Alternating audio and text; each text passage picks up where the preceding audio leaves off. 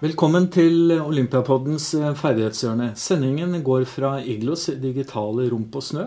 Jeg heter Morten Bråten, og med meg i studio har jeg Ola Eriksrud som gjest i dag. Takk, Morten. Alle de som har lyttet til oss tidligere, vet at du sitter som eh, medarbeider og intervjuer gjestene. Eh, I dag skal vi mm, vite litt mer om deg, Ola for å få en litt sånn bakgrunn. Men hensikten i dag er å informere om utviklings- og treningsfilosofien til fagavdelingen motorikk og ferdighetsutvikling i Olympiatoppen. Så Ola, eh, hvis du kan eh, fortelle litt om deg sjæl, sånn at eh, lytterne blir ja, får en kunnskap om deg. Ja, hva skal jeg si da, Morten? Um, jeg er utdanna fysioterapeut uh, i Bonn fra USA. Og jobba både i praksisfeltet og akademia der fram til 2005. Og egentlig hatt en sånn lidenskap for bevegelse hele livet. Som vi ofte bruker å si litt sånn flåsete. Det starta på Sesamarten på Gjøvik, hvor jeg sto og så på folk uh, gikk. Og så har det bare balla på seg. og Nå driver jeg med dette her på heltid. Um, så gikk ferden tilbake til Norge og, og idrettshøyskolen. Uh, og interessen lå jo hele tida i det der helhetsbildet, perspektivet hva gjelder trening og, og, bevegelse. Og underviser der både da og nå innen anatomi og biomekanikk og Litt sånn motorisk læring, utvikling, uh, motorisk kontroll. Uh, noe treningslære òg. Ja.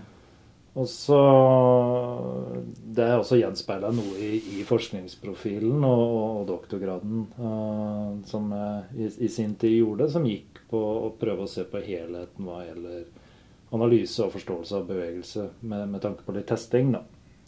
Ja. Og så er jeg jo da konsulent inn på sammen på, på Olympiatoppen. Uh, mot, mot, dere, avdelingen, og, men også mot uh, kraft og styrke.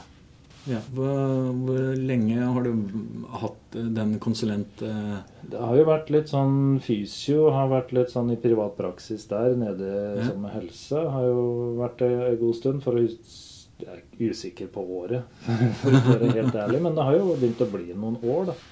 Så det har blitt en slags hybrid mellom Eh, treningen og avdelingen for teknikk og, og altså motorikk og ferdighetsutvikling, og så kraft og styrke. Um, du, du, har jo, uh, du har jo forskningskunnskap uh, her. Du har erfaringskunnskap. Hva veier tyngst? Ja, Det er jo et fryktelig vanskelig spørsmål. Jeg vil si at uh, miksen av de to er veldig gunstig. I hvert fall for meg, for jeg liker å være i det brytningspunktet. Fordi uh, altså, hele min doktorgrad er egentlig basert på en frustrasjon, en observasjon fra klinikken. Hvor jeg følte at det vi lærte på skolen, sa meg veldig lite om bevegelse. Uh, når jeg jobba med pasienter. For jeg testa dem med de testene vi hadde, og lærte dem og, og, gjorde dem. Og så skulle jeg ha dem opp og stå og gå og gjøre ting, og så så jeg at her forandrer bildet seg helt og holdent. Hvorfor er det sånn? Kan vi gjøre bedre? Eh, så jeg har hele tida med meg den biten der. og noen ganger så er det sånn ifølge teorien så skulle det her, skje i en gitt situasjon, men altså gjør det ikke det. Og det brytningspunktet der å prøve å finne nye løsninger og være kreativ og progressiv akkurat i det brytningspunktet, syns jeg er en fryktelig spennende del av jobben. Og veldig viktig del, føler jeg personlig, å ha med seg, ha med seg inn. Altså. Ehm, for noen år siden så holdt du et eh, innlegg, et foredrag, eh, på jobben, Olympiatoppen, ja. Eh, angående kartlegging ja. Eh, det var da jeg første gang jeg traff deg og ble kjent med deg. Ja. Eh, og siden har du utvikla noe som heter 1080 mapping. Ja. Eh, kan du bare si litt kort om det? Ja, det er jo, det er jo litt sånn bakteppe igjen fra klinikken. Da, for jeg starta jo som fysio, og det der å få se på hvordan samspillet Og, det, og, og den, det, de testene vi snakker om nå, går jo mer på ja, Kall det mobilitet og dynamisk balanse og, og, den biten. Og litt av målet der var å prøve å tvinge fram og utfordre eh, en utøver, en pasient, på sammensatte bevegelser hvor jeg fremtvinga en respons med måten vi satte opp testene på, for å få fram ulike mobilitetskrav. Da. Samtidig kontrollkrav. Og da var det viktig for oss å prøve å få med under-X, men også trunkus og over-X. For det er ofte sånn at uh, i mange av testene som har vært, så har det vært ja, vi fokuserer på litt mer sånn fragmentert verdensbilde med ledd for ledd, plan for plan. Ja. Uh, her prøver vi å få en interaksjon uh, mellom dem. For det er jo For meg så blir det nesten sånn From the department of the blatantly obvious. Altså, vi Trenger vi forskning for å vise at hofta påvirker kneet når lårbeinet er en del av begge to?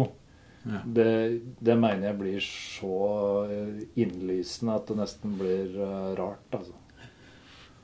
Ja. Eh, du har tatt doktorgraden. Eh, hvor, eh, er dette en del av doktorgraden din? Ja, du kan jo si at det manifesterte seg i noen tester som vi da kjørte gjennom validitet og repeterbarhet og, og bruk, da, så kan vi jo si at det har også sine begrensninger, helt klare begrensninger. Og, og, og, det har det. Men vi i hvert fall prøvde å ta et steg mot helheten og prøve å gjøre noe Kvantifisere det. Det var jo et element. Eh, kvalitativt se på det. Liksom, hva er kvaliteten av det? Hvordan er sekvensen av det? Hvordan er koordinasjonen av det? Og sist, men ikke minst, en ting som jeg kanskje ikke tenkte like mye på når vi lagde det, det var det subjektive. Ja. Altså hva er det utøver føler. For det er noen ganger du kan ha et ganske likt utfallsmål. Ja. Men utøver, pasient, kan si noe Det der føltes uh, ukomfortabelt. Det var, det var vondt. Uh, det føltes vanskelig. Det var tight. Det var mange sånne forskjellige ting som kommer frem der. Ja, så bevege, bevegelsesstrategiene er kanskje viktigere å se på, de subjektive? Ja, de er, de er viktige å ta med seg inn der. Er, hvordan er det jeg velger? og Derfor legger vi også få føringer på hvordan testene skal gjøres. Ja. Fordi da vil utøverpasient velge seg den strategien som ligger nærmest den er preferert. ikke sant? Her er det en ja. måte jeg velger å gjøre det på. Og så kan vi si kan vi gjøre noen vurderinger rundt er det der en hensiktsmessig og god måte å gjøre det på, kontra kanskje det er andre måter å prøve kanskje å få med f.eks. ankel litt mer i den bevegelsen, eller hofta litt mer, og bruke litt mindre av ryggen osv. Det, det vil jo være noen sånne kvalitative vurderinger hele veien der. Så kan vi selvsagt diskutere hva som er riktig og hva som er feil, og der tror jeg juryen er uh, ute, for, for, å si det sånn. Men uh, det er jo noen strategier som vi finner er mer effektive. Og, og da, når vi sier effektive, hva er det vi mener da? Jo, det vil ha en mindre kostnad, f.eks. Hvis vi ser en effektiv teknikk, det er noe som handler om at jeg bruker mindre energi på å forflytte meg kanskje like raskt eller like langt. Ja. Altså kostnadseffektivt. da. Um, nå har vi blitt litt uh, kjent med deg, og, og, vi har hørt også hva du står for. Uh, Litt ja, grann. Noe av det, i hvert fall. Uh, noe av det, ja. Det siste året har vi hatt en prosess som handler om utvikling av filosofi. Ja. Utvikling av treningsfilosofi. Ja. Kan, før vi går inn på filosofien og modellen, kan du si litt om den prosessen? Og liksom hva er det som har gjort prosessen? Hvordan ha, har vi gjort det? Jeg har jo vært med på det sjøl, ja. men hvordan har den sett ut, egentlig? Ja, nei, Det er viktig det her at det her er et felles anliggende, det jeg skal snakke om nå. Mm. Uh, det her kommer som en konsekvens av avdelingen som har snakka mye sammen. Uh, prøve, vi må jo forankre det et sted. altså kunne du kanskje si at den kunne ha forankra det enda større globalt på Olympiatoppen, men nå starta vi i avdelingen. Uh, der har det vært et uh, samspill hvor alle har bidratt og kommet med sine, sine vurderinger. så er det andre sentre rundt om i Norge har kommet med sine innspill. hva tenker vi? Eh, andre avdelinger eh, som jobber kanskje litt mot andre ting. altså Eksempelvis kraft og styrke og helse. Eh, enkelte der har, har kommet med innspill. Og så har vi prøvd å sy det her sammen til en filosofi og en arbeidsmodell eh, som vi skal bruke internt på avdelingen eh, for å reflektere hva er det vi egentlig driver med. Mm. Uh, hvordan kan vi gjøre det her bedre? Uh, hvor er det vi har noen hull? Hvor må vi jobbe? Uh, kommunisere innad i, i, Olympiatoppen med andre avdelinger. Det er det her vi står for, sånn jobber vi. Finne punkter for det tverrfaglige. hvor er det vi kan jobbe godt sammen? samtidig kommunisere ut til eksterne trenere og, og, andre som driver med idretten. Da. Sånn er det vi tenker, og sånn er det vi, vi jobber. Da. Så det har jo vært det er fryktelig komplekst. Og det er ikke så lett å få fram i noen figurer og noe powerpoint som vi, som vi har her. For dere som ser, så kan, kommer dere til å se det. For dere andre så skal vi gjøre så godt vi kan for å prøve å beskrive det verbalt. Da. Ja. Um, litt tilbake til uh, prosessen. Ja. Um, vi, vi var ved en fase hvor vi fikk feedback på treningsprinsipper. Ja. Og så og så har vi snakka om læringsprinsipper. Ja.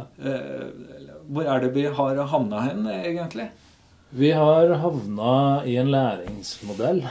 Eh, vi har havna på læring. Eh, hva er det vi lærer av motoriske ferdigheter som har relevanse for idrettsspesifikke ferdigheter? Så vi, vi bruker en læringsmodell her. Eh, så da vil det være de mer klassiske treningsprinsippene som vi ser fra treningslæra. Vi går nok mer mot motorisk kontroll, motorisk læring, og bruker prinsippene derfra uh, for å beskrive utvikling. Ja. Så, og det har vært en veldig god diskusjon, syns jeg. Uh, da prøver vi å synliggjøre hvordan vi hvor vi på en måte treffer andre fagavdelinger, F kraft og styrke, som er på treningsprinsippene og, og, og, og, den modellen, mens vi er med på en læringsmodell. Da. Så jeg ser dem veldig komplementære. altså. Er det en filosofi som er satt, eller er det dynamikk i den? Det, nå sitter vi her i dag ja. og skal presentere det litt uh, nå. Eh, jeg håper og tror og mener at dette her er et levende dokument eh, hvor vi kommer til å utvikle det og ha en progresjon i det. Så eh, ja. det der er ikke noe sånn nå er det spikra i stein på noen som helst måte. Nå, dette er levende. Og det er dynamisk. Da foreslår at vi, vi begynner, Ola. Sånn at, skal, vi, skal vi gjøre et forsøk? Ja. Da gjør vi det. At vi presenterer den for lytteren. Og de som ser, de ser også noen plansjer. Ja, nei, hvis du har anledning til å ta en titt på det, så, så det, kan det være til hjelp. Eh, men vi skal jo som sagt prøve å gjøre så godt vi kan for å mm. beskrive det her verbalt. Da. Men vi starter liksom overordna med, med, med, med, filosofien vår. da.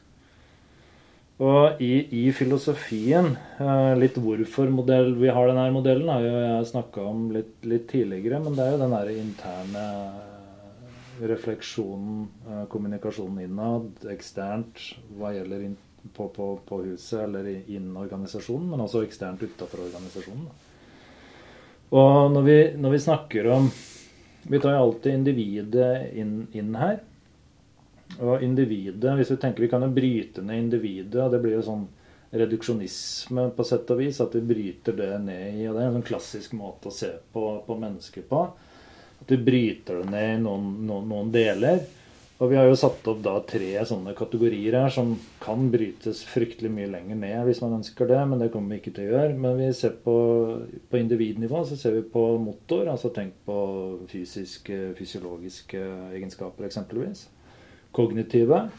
Eh, der kan vi se på oppmerksomhet, kunnskap, eh, følelser, motivasjon, eh, kort langtidsminne, læringsstrategier eksempelvis.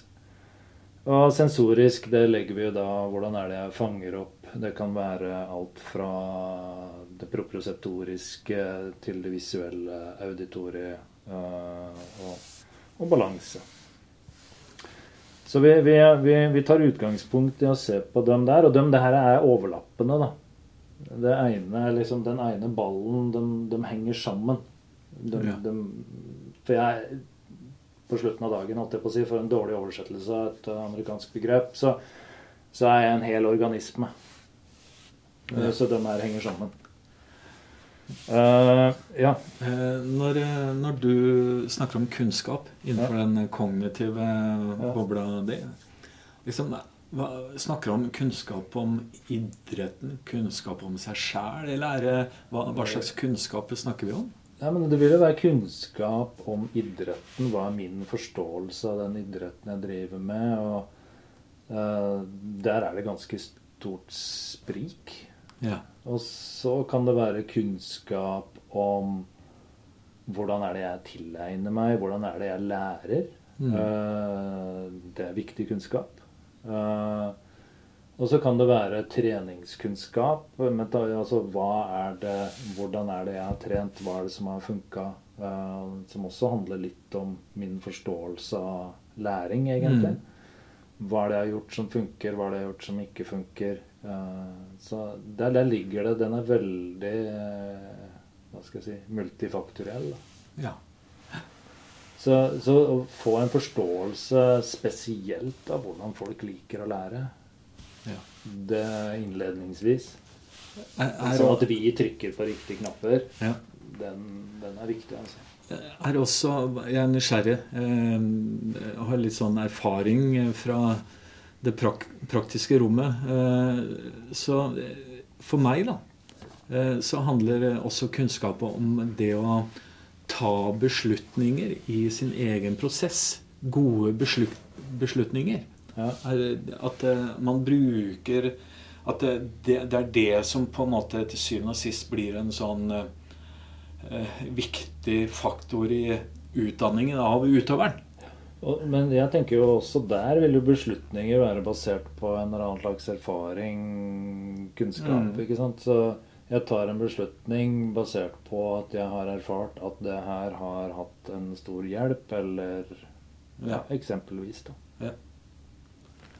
Så Nei, men det, det, er interessant, for det er mange som eh, Med en gang vi snakker om kunnskap, så mener jeg at det er unødvendig å forstyrre utøveren med for mye kunnskap i prosessen. Ja, men det spørs til når og hvilket tidspunkt òg, da. For vi må jo liksom hvis vi driver midt i en økt og pøser på med masse informasjon, så kan jo mm. det bokstavelig talt ødelegge økta. Eh, mm. Så fra det ståsted så kan jeg være veldig enig. Ja. Men det å vite litt om hva, hvilken forståelse folk har om sin idrett altså Jeg fikk jo presentert et eksempel hvor folk har liksom kalkulert og sett på hvor lenge jeg er i lufta. Dette gjelder snowboard, f.eks. Hvor lenge er jeg i lufta? Hvor, hva slags tid har jeg? Hvor lang tid tar de ulike elementene? Hvordan skal jeg få tid Ikke sant? Det er jo Her er det en som er veldig analytisk i forhold til et hopp. da. Ja. Så, så få en forståelse av hvordan folk reflekterer og tenker rundt det her, og, og hvilken inngang de har der. Det, det, sånn at du skaper den der gode relasjonen, det, det, tror jeg Altså, Det du sier, er at det, det er veldig individuelt hvor mye informasjon som utøveren kan eh, sile ut? Det vi, og det går jo også på feedback. og Da tenker vi kanskje i treningsrommet, men da, der, ja, der må vi være forsiktige. Mm. Hvor mye vi bruker, og, og, hva vi gir av informasjon. Og hvis vi bruker ord, da, mm. så har ord makt. Ja. Og det jeg mener med at ord har makt, hva vi sier til noen hva gjelder uh, måten det gjennomføres på, god og dårlig, altså hvordan vi velger å si ting, det, det kan sette seg veldig. Så hvordan vi velger å bruke det, er uh, jeg tror vi går videre på boblene. Ja, vi går videre på boblene. Så ja. da har vi individet. Men individet, det som er fryktelig viktig her, sånn, det er at individet eksisterer ikke i et uh, vakuum. Men uh, det eksisterer da sammen med oppgave og, og miljø. For hva slags handling er det jeg blir uh, i anførselstegn utsatt for? Eller hvilken, hvilke krav er det som, som, som, som, stilles til meg? Og i hvilket miljø er det det stilles? Så det er jo den interaksjonen der. Og den der interaksjonen mellom oppgave, miljø og individ, den er jo på ingen måte ny. Uh, det er jo en ganske gammel tanke uh, teoretisk òg. Det er at det er jo her ting skjer i interaksjonen mellom, mellom dem. Og i den interaksjonen så har jo vi da satt idrettslige, eller sport, da, og motoriske ferdigheter eh, sentralt. For det er interaksjon mellom individ, oppgave og miljø. Og enhver idrett har jo da eh, Vi ville ha med den derre persepsjon og handlingsbiten inn i den modellen vår. Og den derre interaksjonen mellom eh, persepsjon og handling var viktig for oss å få fram der. Og persepsjonen er jo avhengig av hva slags oppgave er det jeg gjør, og i hvilket miljø er det jeg gjør, og hvilken handling er det jeg som individ da skal e- effektuere. Så vi, vi satte den som midt i den uh, modellen vår her. Så. Så, hvis vi snakker om åpen og lukket ferdighet, ja. uh, så er det en persepsjonsdimensjon setter store krav til eh, persepsjonen i en eh, åpen idrett kontra en lukket idrett. Med, med lukka idrett. Og der vil du ha graderinger. ikke sant? Og I akademia så liker du gjerne å putte ting i en eller annen skuff. ikke sant? Den er åpen, og den er lukka, men det er alltid grått. Det er alltid ja. graderinger mellom det. Uh, vi hadde en sånn diskusjon på f.eks. en veldig åpen, altså ballspill. Altså Der er det jo read and react holdt jeg på å si. Der skal du lese noe, og så skal du reagere ja. på noe. Ja. Uh, og så kan du jo si at f.eks. langrenn uh, Det er uh, mye mindre av det, men det er i aller høyeste grad til stede. F.eks. det å gå i felt. Ja. ja posisjonere seg i felt. lese terreng. Føre hvor skal jeg gå i, i traseen? Har det oppgått i midten, det er glattere, det er bedre. Nå må jeg ut av sporet. Nå er det hardere her, jeg får bedre trøkk. Ikke sant? Det er masse greier som ligger der òg. Kan, kan, man tenke seg i forhold til alpint, da, hvor man besiktiger, eh, besiktiger løypa, leser løypa på forhånd? Ja, ja. Eh, de som er gode til å lese løypa, de greier å gjøre eh, gjøre å si, idretten til mer en lukka greie enn de som ikke greier det. Det. Kan det De som er gode til å huske besiktigelsen, de som er gode til å lese underlaget, de greier å lukke ferdighetene i større grad. Er, kan man tenke sånn? Du kan vel kanskje tenke sånn, men de har jo ikke sant, Da har du Det gjør det mer forutsigbart. Mm. Uh, men samtidig, hvis vi drar den her helt over på fotballen igjen, da, så er det sånn Ok, hvorfor er det noen som er på rett sted til rett tid alltid? Fordi det er et eller annet de leser av situasjonen som gjør det mulig for dem å Ref. Solskjær, f.eks. Hvorfor er han på rett sted, eller var på rett sted til rett tid? Ja, og da For meg blir det noe av det samme, da, i forhold til ja. det eksempelet i alpint og ja at du har den kvaliteten. Ja. Men det som er viktigere å få frem, det er at du, du hele tida må tenke på individet som en del Altså det er en oppgave som skal utføres av individet i et eller annet miljø. Og som vi kommer tilbake til i en sånn treningsmodell etterpå, det er hvordan er det vi tenker på individet, oppgave og miljø. Hvordan er det vi jobber med de tre elementene. Og så tenke opp mot da motoriske ferdigheter og persepsjonen og, og handlinga. Ja. Det er jo det som liksom blir um, ja, det praktiske, da. Ja. For nå var jo vi veldig sånn store og breie, nesten filosofiske eh, på det. Ja. Og ikke noe gærent i det. Så hvis vi, hvis vi tar liksom den her, Nå har jo det da satt den her oppgave individ og, og, og, og miljø i en slags boble. Og så kan vi tenke oss at vi har en eller annen slags kapasitet her. På en eller annen motorisk ferdighet. Og da er det den der klassiske krav-kapasitetsanalysen. Øh, uh, hvor vi har en eller annen prestasjon. Og da har, vi tegna en ring som på en måte viser at vi skal strekke oss mot noe. Noe som er større enn der vi er, da. Med tanke på, på, på nivå. Og da har vi tenkt at den indre bobla her skal være ekspansiv, da. Og vi ønsker at vi skal liksom trekke ut mot, mot, uh, mot, mot prestasjonen. Og det er jo i den uh, den overgangen her, eller spranget, kall det det, hvor det er det her med hva, hvorfor og hvordan ligger, da, egentlig. Og, og her har jo vi lagt inn no, noen begreper. Og vi har faktisk brukt uh, både grå og sort font her. Og hvorfor har vi gjort det? det sort font det er noe som peker liksom litt på treneren. Det handler om treneren, mens, mens grå font det handler om utøveren. Og så har vi satt dem ved sida av hverandre, for jo, vi kan jo liksom ikke sette dem atskilt. For trener og utøver de, jo, de skal jo jobbe nært sammen, så vi har, vi har, satt dem sammen. Det er derfor vi har gjort det. Og så Hvis vi tenker på sånn trener, så kan du tenke deg at vi har en eller annen slags test eller assessment, eh, det var et godt norsk ord der, som fører med seg en eller annen slags analyse. Eh, som fører med seg en eller annen treningsintervensjon. Eh, på de samme nivåene for utøveren i, i, i, grått her, sammen med test, så har vi en slags forventning. Det er en avklaring. Det er det her vi ønsker vi blir enige. Det er her vi ønsker å oppnå med den treninga. Så vi, vi, har en eller annen slags forventning. avklaring der. Uh, og så det her med evaluering som står sammen med analyse her. Evaluering går da på, på, på, utøver. Og den er jo liksom Ok, hvordan er det jeg evaluerer økta, f.eks.? Eller flere økter. Uh, en, en, periode, hvis du vil. Og så er det den der siste som går på også på treninga, som er den der evaluering, refleksjon. De kan jo sies å gå litt over i hverandre, men den der refleksjonen av utøveren Eh, den, de øvelsene her, den treningen her er relevant for de sånn, sånn, sånn. Hvordan var det jeg gjennomførte den økta her? Hva er det jeg kan jobbe på videre? Så er det den her runddansen som ligger i den overgangen her, da. Så det går fryktelig mye på kommunikasjon. Og hele tida være på, på, på hugget og evaluere og reflektere over hva er den egentlig driver med. Ja.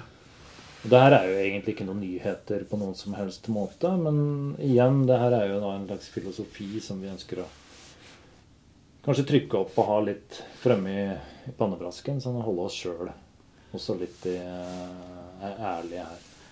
Så når du uh, snakker om analyse, evaluering Analyse, alle analysene som treneren holder på med Treneren bør ikke involvere utøveren i alt det arbeidet. Eh, i, i, den praktiske treningshverdagen. Da. Så det, noe av det ligger i Ja, og du var jo inne på det tidligere. Liksom, altså, hvor mye er det du kommuniserer til utøver? da? Ja.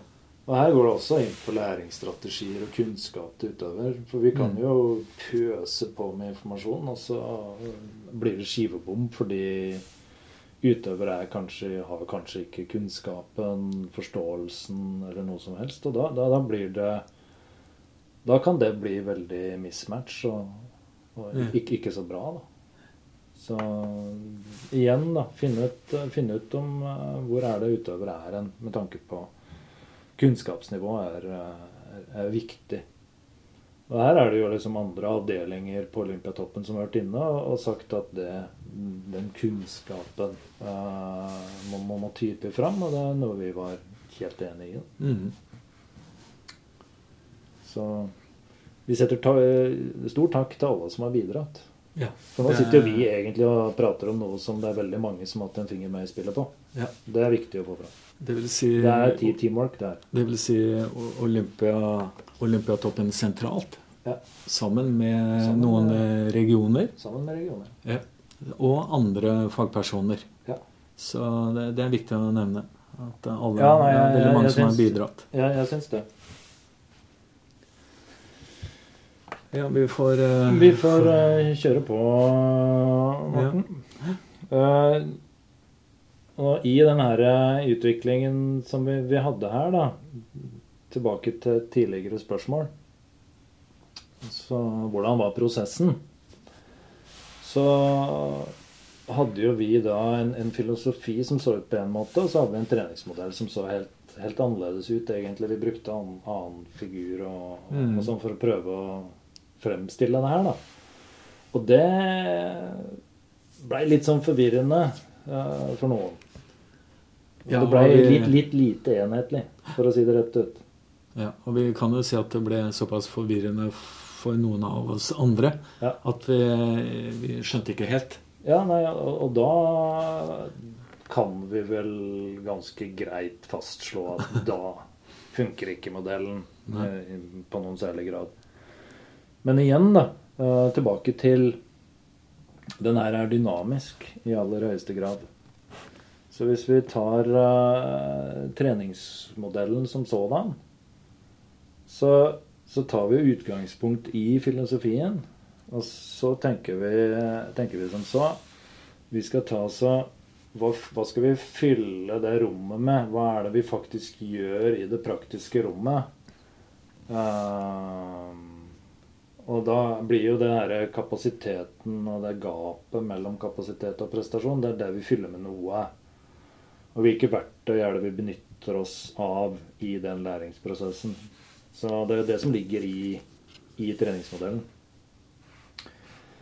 Og da har vi jo prøvd å dele inn i, i, i sektorer her. Hva er det vi liksom tenker på på, på individnivå, da? Og hvis vi tar individnivå, så kan vi tenke oss at vi har en slags knapp som vi kan vri på.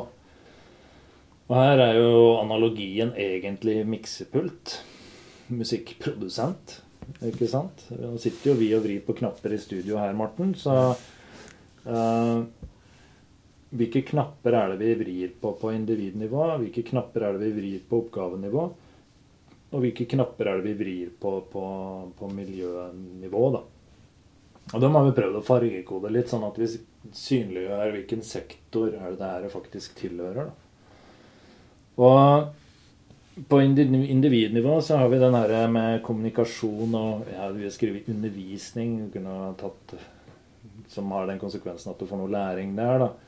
Og Her vil det jo være litt uh, avhengig av Vi har kalt den høy og lav. Altså Skrur den høyt eller skrur den lavt. Det vil jo være veldig avhengig av kunnskapsnivå til, til utøver. Hvordan er det vedkommende lærer seg ting. Og altså få forståelse av det.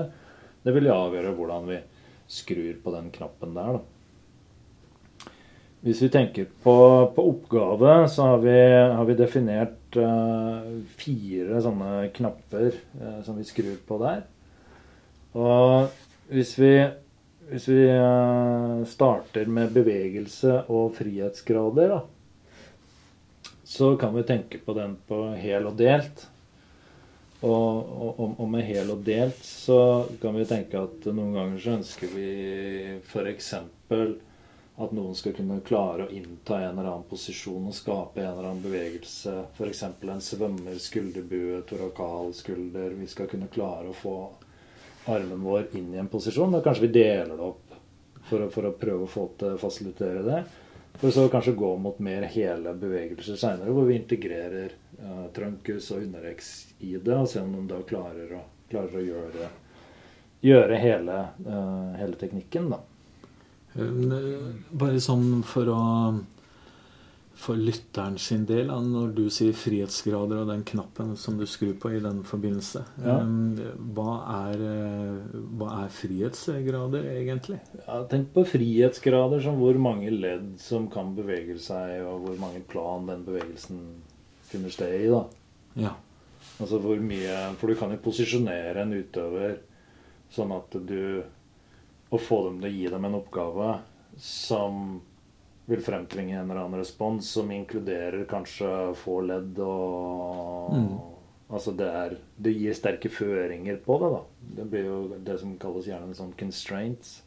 Altså du legger mye føringer, sånn at det er ikke så mange løsninger tilgjengelig. Ja. Mens andre ganger så vil det jo frigjøre sånn at flere løsninger vil være tilgjengelige for utøveren å, å benytte seg av. da. Det henger sammen også med f.eks. Bernsteins trestegsprosess i læring, hvor du Jeg bruker alltid eksempler når jeg går på skøyter sjøl. Eh, I en tidlig læringsprosess så vil du fryse av frihetsgrader. Du velger deg noen få ledd å bevege. Og i den læringsprosessen så vil du da gradvis frigjøre frihetsgrader. Dvs. Si at flere ledd blir i bevegelse. Og så til slutt så vil du da kunne evne å utnytte deg av eksterne krefter for å optimalisere. Ja. Eller kast, f.eks. Du ser når barn lærer seg å kaste, den er veldig overvektsbestemt. Og så får de med seg virvelsøyla og hofta, og så skjønner de det her med stem. Ikke sant? Så det er jo en veldig sånn klassisk måte å beskrive uh, utvikling, da. En eller annen motorisk uh, ferdighet. Når små unger eh, skal lære seg å gå på skøyter, Ja. så kan de gå med en bruskasse foran seg, lene seg på den, og så Ja. bare bruke beina. Ja. Er det en måte å låse Du, du, du låser jo av noe, så kommer du deg lavere ned, og så gir du dem en fryktelig mye større støtteflate. Ja. Så det er jo én måte å gjøre det på. Og så er det jo hvordan skal den progresjonen eventuelt se ut, da. Eh, hvis du er oppreist og du ikke har den bruskassa, og du går Og du ser jo også, de søker jo gjerne støtteflata si. Og det å stå på én skøyte De er veldig sånn raske å komme seg på støtteflate, støtteflate, støtteflate Mm. de går, går bortover. For å ikke redusere til veldig liten støtteflate til veldig liten støtteflate. Så det Og det går jo også på, på frihetsgrader, da. Hvordan er det vi evner å, å gjør det. Uh, hvis vi ser på den, den neste knappen på, på oppgavenivå, da, den, den går jo litt sånn på kognitiv belastning og prosessering. Eh, kognitiv den ble jo diskutert ganske kraftig her, og, og bruken av den termen. Men jeg tror det er viktig for oss å be, altså gi en beskrivelse av hva legger vi i kognitiv belastning her. Det kan være f.eks. Uh, stress. Eh, altså graden av konsentrasjon altså, eh, som, som må, må være der, og, og fokus som må være der. For det er noen ganger du ser det gå på autopilot, mens andre ganger hvor du skal, liksom, skal lære noe nytt. Du kan jo tenke på f.eks. det nærme frihetsgrader. Du må være veldig på. Mm. Så det er det vi legger i kognitiv her. eh, sånn at det ikke misforstås. Ja, Kompleksiteten i det. Er det en del av det? Ja, du kan jo si at kompleksiteten i det vil jo noen, hos noen, da, hvis det er noe Ja. nytt, eller relativt nytt, eller Ja. noe de syns er utfordrende, så kan jo den, vil jo den belastningen være ganske sånn stor. Ja. For du ser jo det, for eksempel, det er jo noen læringsmodeller som peker på at det, i tidlig innlæring at det går over i en slags kognitiv fase. Uh, hvor det er veldig sånn internt fokus. Hvordan er det det her? Tenker veldig nøye gjennom det. Og så blir det gradvis automatisert. da. Så det stemmer jo med, med den teorien. Så kan du si at vi har Mm. dratt inn den teorien òg. Og så kommer det en knapp som uh, egentlig er ganske stor. uh, som vi fikk også en kommentar på fra en uh, meget god kollega. At variabilitet er vel noe som går gjennom alt her, folkens. Og jeg kan jo ikke si meg uenig. Nei. Men hvis vi tenker på variabilitet i form av oppgave, så kan jo variabilitet det kan reflektere hva slags bevegelse er det her. Mm. Det kan reflektere rekkefølgen på noe. Det kan reflektere hastigheten på en bevegelse. Det kan reflektere en eller annen form for ytre belastning, f.eks. på det. Så det er jo en variasjon du kan legge til på en bevegelse eller bruk av, av variabilitet. Da. Og her kan du si det går tilbake til klassiske treningsprinsipper, hvor variasjon er jo et klassisk eh, treningsprinsipp. Her bruker vi variabilitet eh, opp mot det her med læring, og hvordan det brukes i, i, i den konteksten. Da. Så vi, vi drar jo veksel på en, et klassisk treningsprinsipp der i aller høyeste grad. Ja, og, og så kan jeg spørre om hvorfor varierer vi egentlig? Ja, eh, Hvor, hvorfor skaper vi variasjon i treningsrommet i forhold til læringsprinsipper? Nei, men altså, er det noe vi Altså, hva veit vi om biologi, da? Eller altså bevegelse? Vi veit jo det at noe så en, en ting vi har millioner av reps på, Morten, er jo å gå. Ja.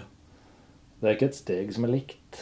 Nødvendigvis. Altså Det er en variasjon, det er en iboende variasjon i hvordan vi, hvordan vi gjør ting. Og da kan vi jo si at uh, hvis jeg har evnen til å gjennomføre en oppgave på ulike måter, men få samme utfall altså Der går jo tilbake til Bernstein og han er smeden som står og slår på noe. Så ser vi at dem som er eksperter, varierer hvordan jeg bruker albuen og skuldra i det. Det ser du også i idretten. ikke sant? Du ser jo noen av de skudda Hvis vi tar basketball som eksempel. Det er jo ikke noe sånn at du trener spesifikt, men det er en reaksjon. Og så er det en iboende evne til å kunne variere og rekonfigurere kroppen. Ja. Basert på det kravet som oppstår. Så det blir jo persepsjon, handlingsbiten for å kunne klare å løse oppgaven. Og så ser vi at effektoren, f.eks. et skudd, da, hånda, den er jo veldig stabil. Mm. Men resten av systemet rundt det kan, være ganske, kan vi konfigurere. Så evnen til å løse en oppgave på mange måter er jo en god egenskap. Når vi liksom blir dytta litt utafor komfortsona den ene eller andre veien. Altså, i, i oppå si, i vårt miljø, i vår jobb med utøvere, eh, så bruker vi jo mye variasjon. Og det er jo, som du sier, da, eh, det er jo for å skal eh, bygge på den tilpasningsevnen ja. til å løse en situasjon løse på beste, ja, ja. Altså, gi, måte. Gi, gi, folk redskap og ha vært der og følt litt på mulig Altså prøve å løse dem på forskjellige måter. Ja. Uh, vi klarer jo ikke altså, nå, nå, er vi over også inne på spesifisitet, da, men vi klarer jo ikke å simulere enhver situasjon. Mm. Det er jo helt umulig. Men klarer vi å bygge at de har evnen til å løse en oppgave på forskjellige måter, så, så får du en utøver som ja, har flere knapper å spille på. Da. Ja. Og man eh, når vi snakker om tilpasninger, så snakker vi også om eh, å bygge opp strategiene. At det, det, er strategiene vi kan eh, trene på i, på parketten. Ja. Altså de strategiene kan vi dra med oss ut i idretten deres, eller de kan dra med seg det ut på sin arena. Ja, for det, Når vi kommer over på miljøet, så blir jo den et element ja. der, ikke sant? Ja. For da, da, vil vi jo trekke og vri på den knappen. ikke sant? På parketten eller i, i en hall eller i et, i et, treningsrom, og du er en utøver som presterer f.eks. ute på snø, så vil jo den du, du går jo unna spesifisiteten. Du må jo gjøre det. Men se på strategier for hvordan løse en oppgave, hvordan posisjonere mm. kroppen seg, og så gå ut og så prøve å, å gjenskape det uh, f.eks. på ski. Da. Da. Da, snakker vi om overføring. Uh, overføring. Så hvis vi går videre på den neste knappen, så er det jo liksom det her med volum. Og der har vi Der er jo vi på en måte oversatt det her mast versus distributed practice. Og hva er det vi legger i det? Volum, den kan jo for noen misforstås kanskje til, en, til antall og repetisjoner. Og det er jo ikke en misforståelse direkte, men du kan se på når du trener noe, så kan du se skal vi ha alt samla i en lengre økt, eller skal jeg spre det opp i kortere bolker? da? Uh, så det er en måte å se, se, se volum på her, da. Mm. Som vi kan se vi, vi kjører mye i en, en, litt lengre økt, eller da er det kortere, mer intense bolker. Og det her vil jo også gå litt på det her samspillet og interaksjonen med andre avdelinger òg. På hvordan det jobbes sammen på, på Olympiatoppen. Ja, fordi det, er jo, kan jo si litt om at uh, det er sånn vi jobber mot idretten nå. At uh, vi jobber i bolker en uh, periode. Og så er de borte i fire uker, og så kommer de tilbake. At man kan se på det i en periode, ikke bare innenfor en økt. Eh, så absolutt. Så det kan jo Da er vi jo liksom på hvordan er det det Det blir jo den der klassiske periodiseringsbiten òg, ikke sant? Men hvordan er dette her? Hvordan er det vi ser på det her i en større sammenheng? Da? Så det er liksom hvordan vi ser på, på, på oppgave. Og, og, og, neste sektor, som jeg da har feida ut litt, eh, eller vi har feida ut litt det, Ikke for at det er mindre viktig på noen som helst måte, men det er jo knapper som går på miljø Så den fargekodinga her er bare for å synliggjøre hvilken sektor det, det tilhører, da. Og i miljøet så har vi satt annen trener-coach òg. Uh, fordi en veldig viktig del av miljøet, vil jeg si. Og da vil det jo være sånn at det er noen coacher, trenere, som er veldig på og nært på uh, på treninger og økter. Mens andre er kanskje mindre nært mm. Og derfor så har vi i det Og det der handler jo om også en veldig sånn kommunikasjon og interaksjon. For det er jo noen idretter som folk jobber med som kanskje har meget god kunnskap om. Og så er det kanskje noen hvor det er kanskje litt mindre kunnskap, som vi må ha en utveksling av kunnskap, eh, kall det oss trenere imellom, da. For å bedre forstå og ha de riktige, riktige fokuset her, da. Så her har vi satt en høy lav fordi det er noen som er eh, nært på, og andre som ikke er så nært på. I, i forhold til eh, Vi har kasta inn variabilitet her igjen, gitt. Eh, og det er kontekst, da. Eller sammenhengen. Altså hvilken, hvilken sammenheng er det, vi, er, det, er, det, er det vi gjør det i? Og det var jo du inne på i stad. ikke sant? Eh, du har en fokus på en eller annen teknisk utførelse, posisjonering eh, på parkett eller i sal, som da tas med ut for å, se, for å vurderes og overføres da til eh, mm. prestasjonsarenaen, eller nærmere prestasjonsarenaen. Uh, videre på miljø der egen, har vi en egen uh, miljøknapp. Og det er jo et miljø Er det veldig strukturert, eller er det utforskende? Uh, det er jo en måte Og her kan vi tenke litt sånn barn og unge òg, ikke sant? Altså, du, du, lager jo gjerne noen sånne begrensninger på miljøet. Eller noen constraints med tanke på hvordan er det vi skal jobbe. Mens andre ganger så lar du dem få lov å utforske mer da, og bruke mer miljøet. Så det kan jo være noen sånne føringer eh, som ligger der. Og da har vi kalt det strukturert og utforskende. Da. Og så har du jo det der med feedback eh, på frekvens og, og, og, og, kilde. Det vil jo alltid være høy intern feedback. Er jo, den er jo alt, alt, alltid der. Uh, så vi har, På den ene sida har vi kalt det lav og, og intern.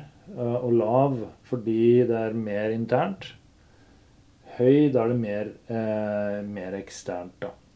Så vi er liksom, Du kan jo si at det er en litt sånn mot, motsigelse der, men det, det, henger sammen med bruken av det interne og det eksterne. da.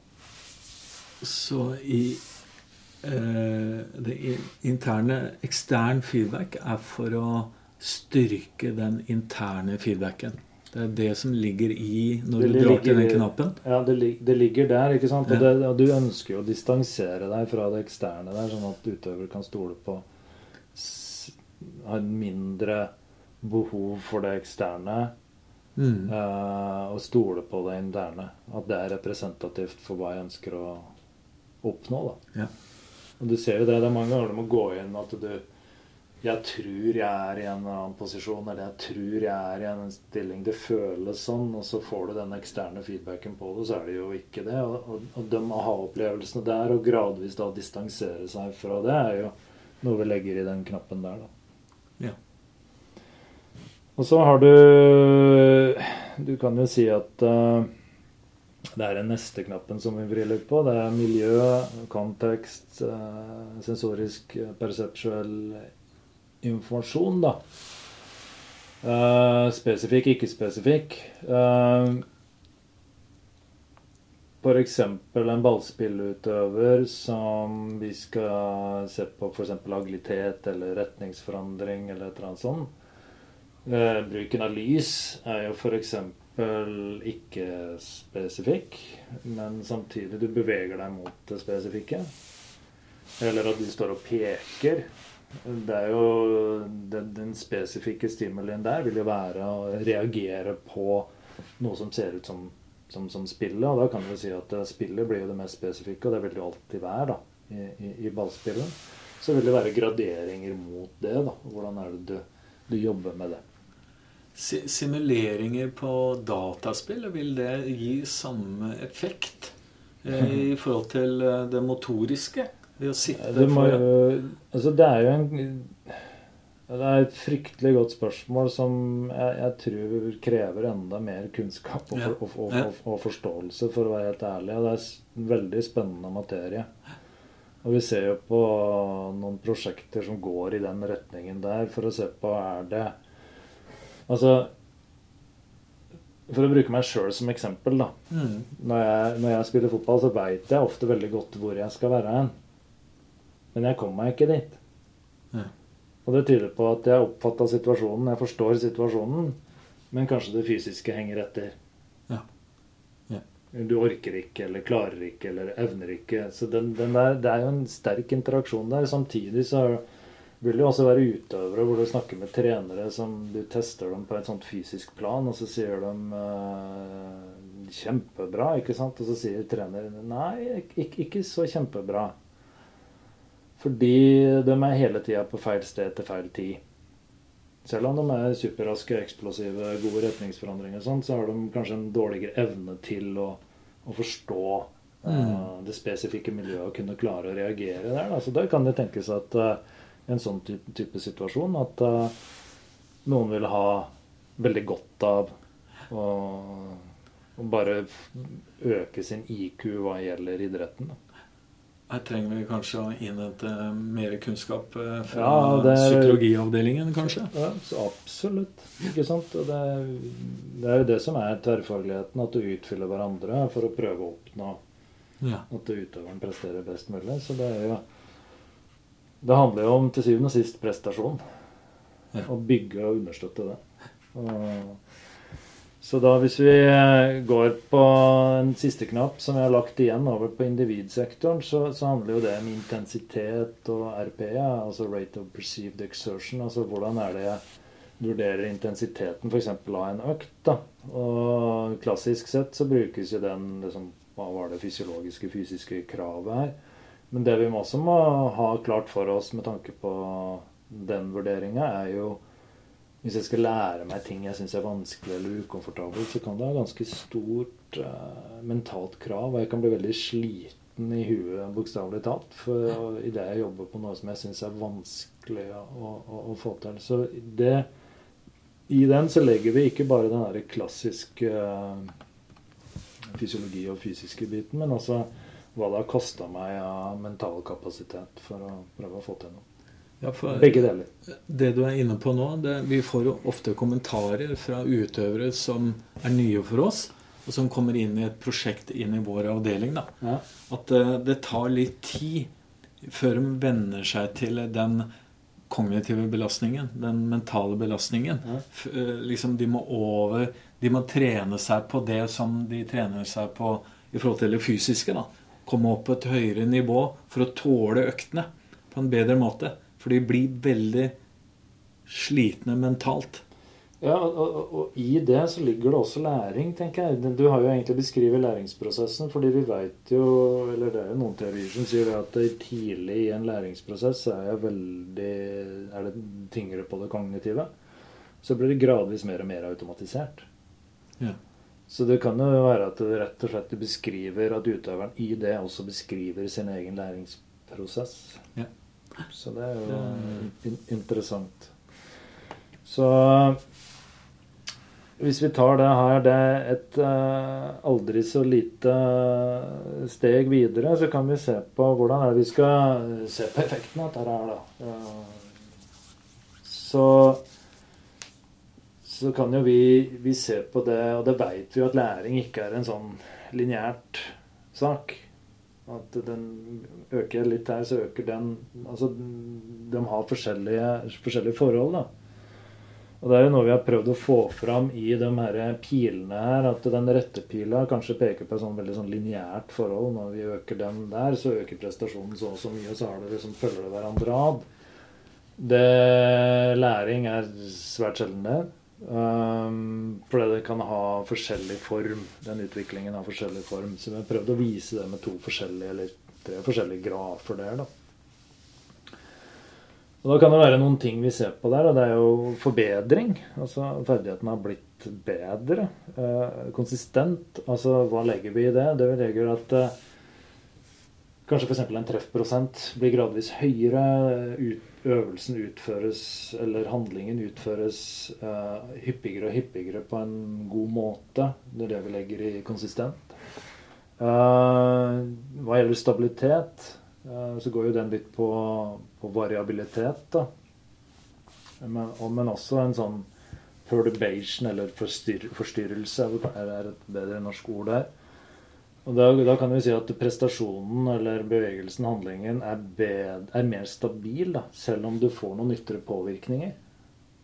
Uh, at den, holder, den opprettholdes. Så da er vi litt inne på det der med hvorfor vi bruker variasjon. For hvis vi da påvirker deg med noe, det kan være kognitivt stress, det kan være miljøet, ikke sant? men prestasjonen er fortsatt stabil.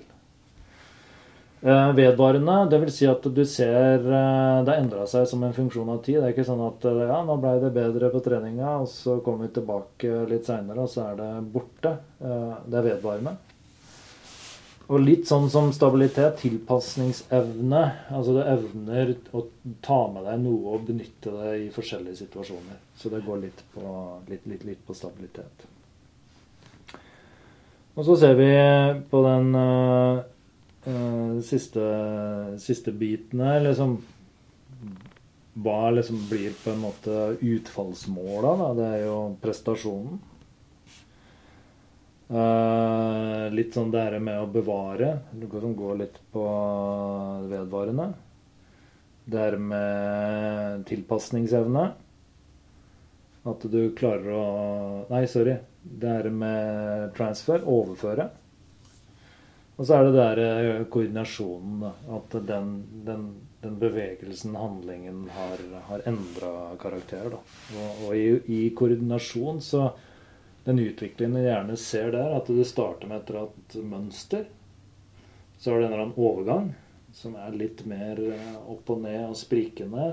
ikke sant? Det det konsistente der. Liksom klarer jeg å gjenskape det. Og så ser du at du har en overgang til et, et nytt mønster. Og Der har vi jobba med flere utøvere i, i den prosessen, og den, den, kan jo være frustrerende. For noen ganger vi ser i den prosessen at uh, prestasjonen i det du skal lære noe nytt, så får du en lite dupp i prestasjonen, og det kan være veldig vanskelig mentalt å snakke om. Og, ikke sant? Prøve å jobbe seg inn. Men jeg får det jo ikke til. Dette her kan jeg jo.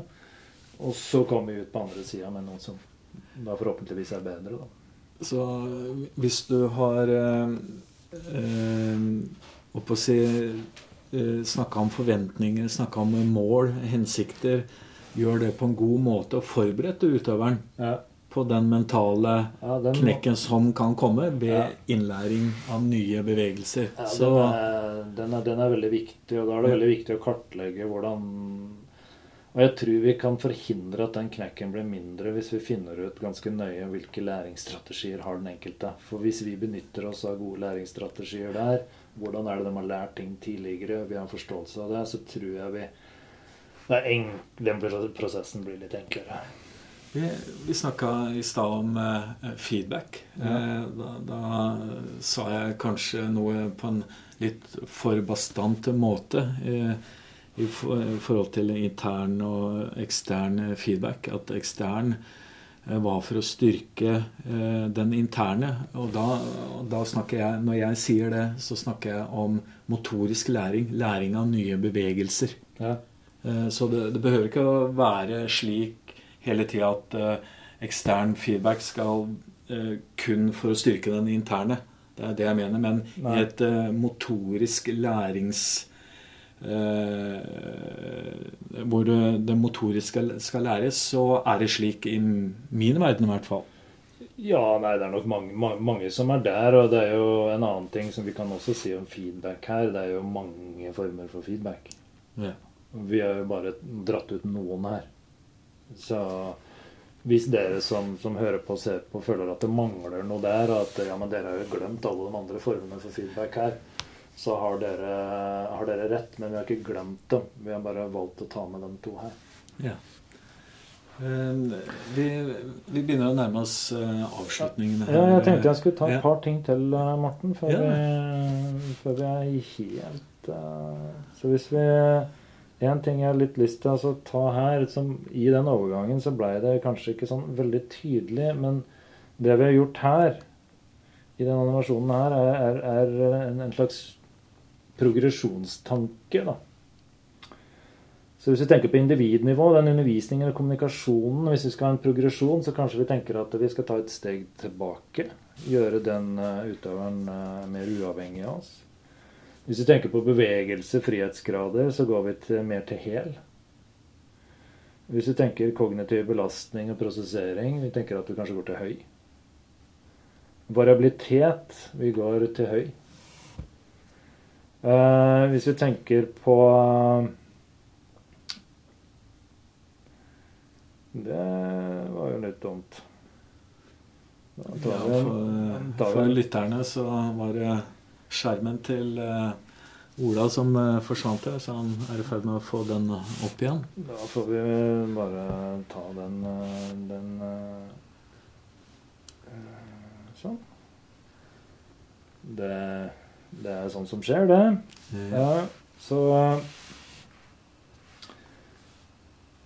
Hvis vi nå ser på hvordan vi Hvordan vi ser på, på hvordan vi ser på uh, progresjon. Det var der vi var. uh, så var vi på variabilitet. Det var høy. Trenerinteraksjonen, den, vi gjør dem, prøver å gjøre dem igjen. På en måte litt mer uavhengig av, av oss. Variabilitet, kontekst, øke den. Eh, miljøet, i større grad utforskende. Feedback, redusere bruken av det. Og miljøet mot det spesifikke. da. Og så har vi også prøvd å få fram eh, kanskje litt av det tverrfaglige her. Og, og hvis vi tenker det tverrfaglige, så, så, vil det være veldig naturlig å tenke på motor. Fysisk, fysiologisk. At eh, her ligger det veldig mye tverrfaglighet eh, mot andre, andre, avdelinger. Hvis vi tenker på det kognitive idretts, altså psykologibiten der. Aller høyeste grad. Eh, vi har også Tverrfaglighet er jo allerede inkludert i miljøet med trenere og coacher osv. Så, videre. så Så det ligger jo også en, en, en tverrfaglighet i, i, i, den modellen her. Da. Og så er det helt sånn avslutningsvis så, så, er det sånn at hvis du Det er ikke sånn at hvis du tar og justerer variabilitet-knappen, så rører du bare ved den den vil jo også påvirke andre, andre elementer, ikke sant. Så jeg håper jo at dette her var en Ja, gir en, gir, gir en liten innsikt i, hvordan vi tenker og, og, og, hvordan vi jobber. Og vi kommer jo på seinere tidspunkt til å komme tilbake til denne modellen og eksemplifisere. For jeg tror det er veldig sunt å, å kanskje få F.eks. hvordan er det det ble jobba med en gitt utøver? Hva er det her, eh, hvordan ser det her ut i, i, praksis? Og hvordan, her er det noen filmer av hvordan vi gikk fram for å få til, få til noe. Og her var målet. Og så vise den veien. Det er jo noe vi, vi kommer til å komme tilbake til. Eh, og har som ambisjon og mål. Ja, eh, og jeg tror Men avslutningsvis ja. så skal du få et spørsmål som jeg pleier å stille eh, til alle gjestene våre. Eller til de gjestene vi har hatt. Det er, det, det er jo Lytterne er forhåpentligvis ikke bare trener på et høyt nivå, eh, men også trener for barn og ungdom. Eh, og da har jeg lyst til å spørre liksom, hva, hva er dine anbefalinger? Hva, hva, bør fokus være på eh, når det gjelder trening av barn og ungdom? Du har jo du er også kall det ungdomstrener innenfor en ja. idrett. Ja. Så du har jo erfaring med det. Så dine anbefalinger, eh, Ola, tror jeg lytterne gjerne vil ha.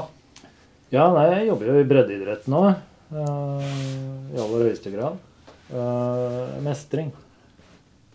Mestring, ja. Mestring. Det er, det, er, det, er, det er, en viktig sak her. Så legg opp sånn at det er, det er grader av mestring.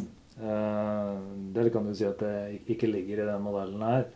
Men mestring er jo hvordan er det dette her utføres? Klarer du å få det til? Eh, det er veldig, veldig viktig. Eh, jeg tenker variasjon er veldig, veldig viktig. Tenk på variasjon. Hvordan er det du legger til rette med øvelser og miljø? for å skape variasjon og la dem finne løsninger. Nå er jeg veldig på ballspillen her, for det er jo ballspillen jeg jobber i. Men den herre la dem finne løsninger, la dem utforske det, det um, tror jeg er veldig, veldig viktig. da. Så når jeg går inn og vi har en, har en økt, så er det jo Og det gjelder idretten basketball, da, sånn at dere veit det. Eh, så Innledningsvis så går vi kanskje på individ, at vi har noen øvelser som går på individnivå i form av oppvarming og, og, og, forberedelse der. Og du har noen enkle ballbehandlingsøvelser og kanskje noen skudd og greier. Men vi går veldig tidlig inn på å gjøre miljøet sånn at det er flest mulig in involvert. Og at du må forholde deg til andre i, i det.